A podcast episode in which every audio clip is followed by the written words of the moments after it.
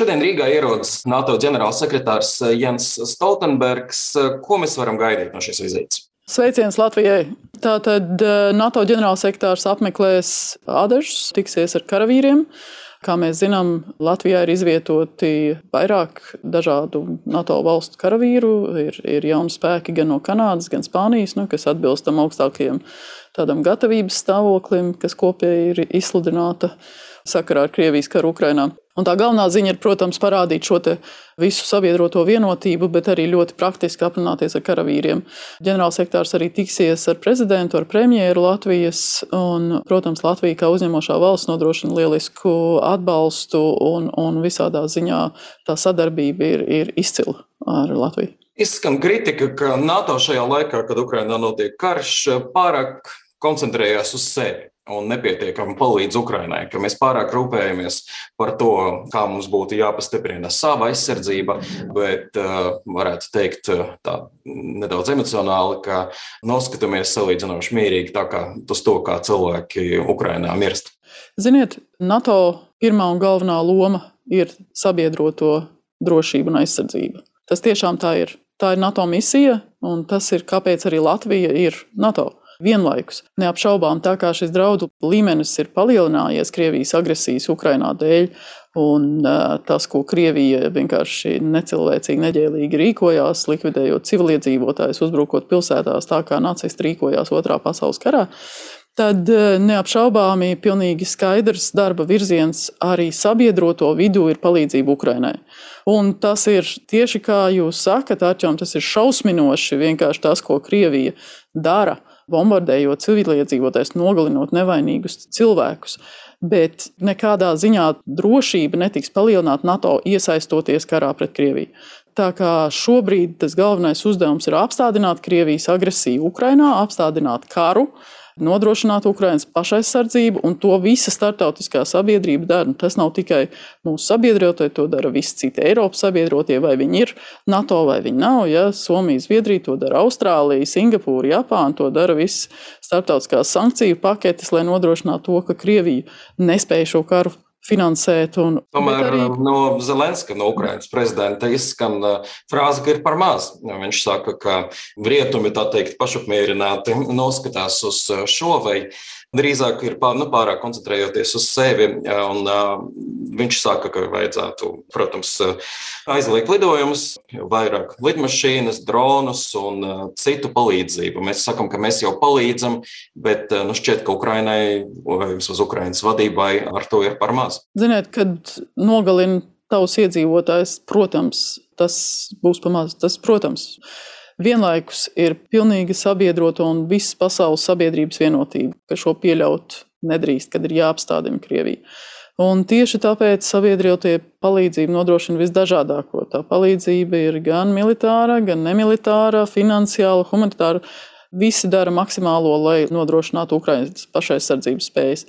Vienlaikus Neapšaubāmi, NATO nav kara dalībniece, un nekādā veidā nevienas valsts drošība netiks palielināta, ja NATO iesaistīsies karā. Daudz klausītāju par spīti tam, ka šie argumenti jau ir skanējuši, tik un tā turpina vaicāt, un arī, protams, Ukraiņas vadība, kā es tikko pieminēju, turpina šo prasīt, proti, šī lidojuma aizlieguma zona. Paskaidrojiet, kādēļ NATO uzskata, ka tas nebūtu vēlams. Lidojuma aizlieguma zona nozīmē vairākas ļoti konkrētas lietas. Iznīcināt uz zemes pretgaisa aizsardzības iekārtas, kas tur atrodas. Tas nozīmē likt lidot lidmašīnām, sabiedroto lidmašīnām Ukrainas debesīs un karot ar Krievijas lidmašīnām un Krievijas iekārtām, kas ir izvietotas.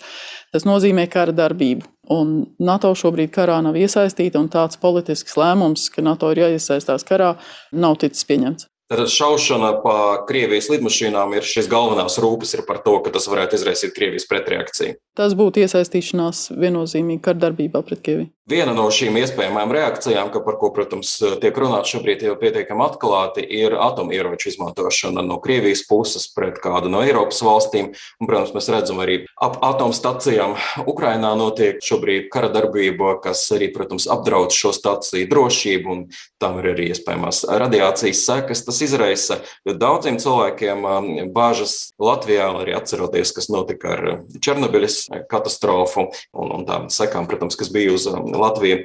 Jautājums ir, vai mēs esam gatavi tam, ka Krievija varētu izmantot tādā vai citādā situācijā atomieročus pret Ukrainu vai pret Eiropu? Šī kodola retorika un draudu izteikšana ir absolūti bezatbildīga, protams, jo Krievija pati kopā ar pārējām kodola valstīm, kas ir ANO drošības padomus pastāvīgās dalībnieces, jau janvārī pateica, ka kodola karu uzvarēt nevar. Sākot kodola karu, tas reāli nav apstādināms. Tā kā tur būtu jābūt pilnīgai skaidrībai no Putina puses un no visiem citiem, ka tas nav veids iegūt kaut kādas priekšrocības Ukrajinā vai kaut kur citur attiecībā uz kodola drošību un kopējo interesi, lai Ukraiņas kodolstacijas vai kādas citas kodolstacijas būtu drošas. Šobrīd tā situācija ir, ir atrisināta neapšaubām apkārtnē. Tur bija nosacīta kara darbība, bija pēc mūsu informācijas ugunsgrēks, kas nebija pašā kodolstācijā, bet netālu. Vienlaikus ir pilnīgi skaidrs, ka šādi uzbrukumi, šāda rīcība rada atkal iespējas neparedzamām sekām attiecībā uz kodoldrošību. Šobrīd tādas sekas nav iestājušās un ir atgriezusies tāda prognozējumība tajā situācijā. Es domāju, ka visu interesi ir nodrošināt, lai nekas tāds netiktu turpināts. Kas tieši tiek darīts? Jo satraukums ir ne tikai Latvijā, satraukums, pieņemsim, ir arī Beļģijā.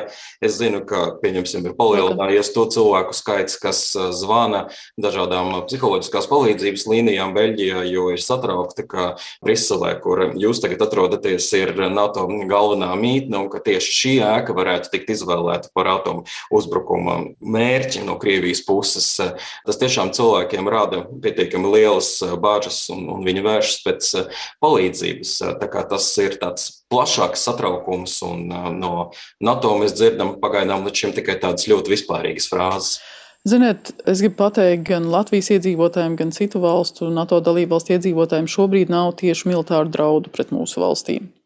Tādu draudu tiešām nav.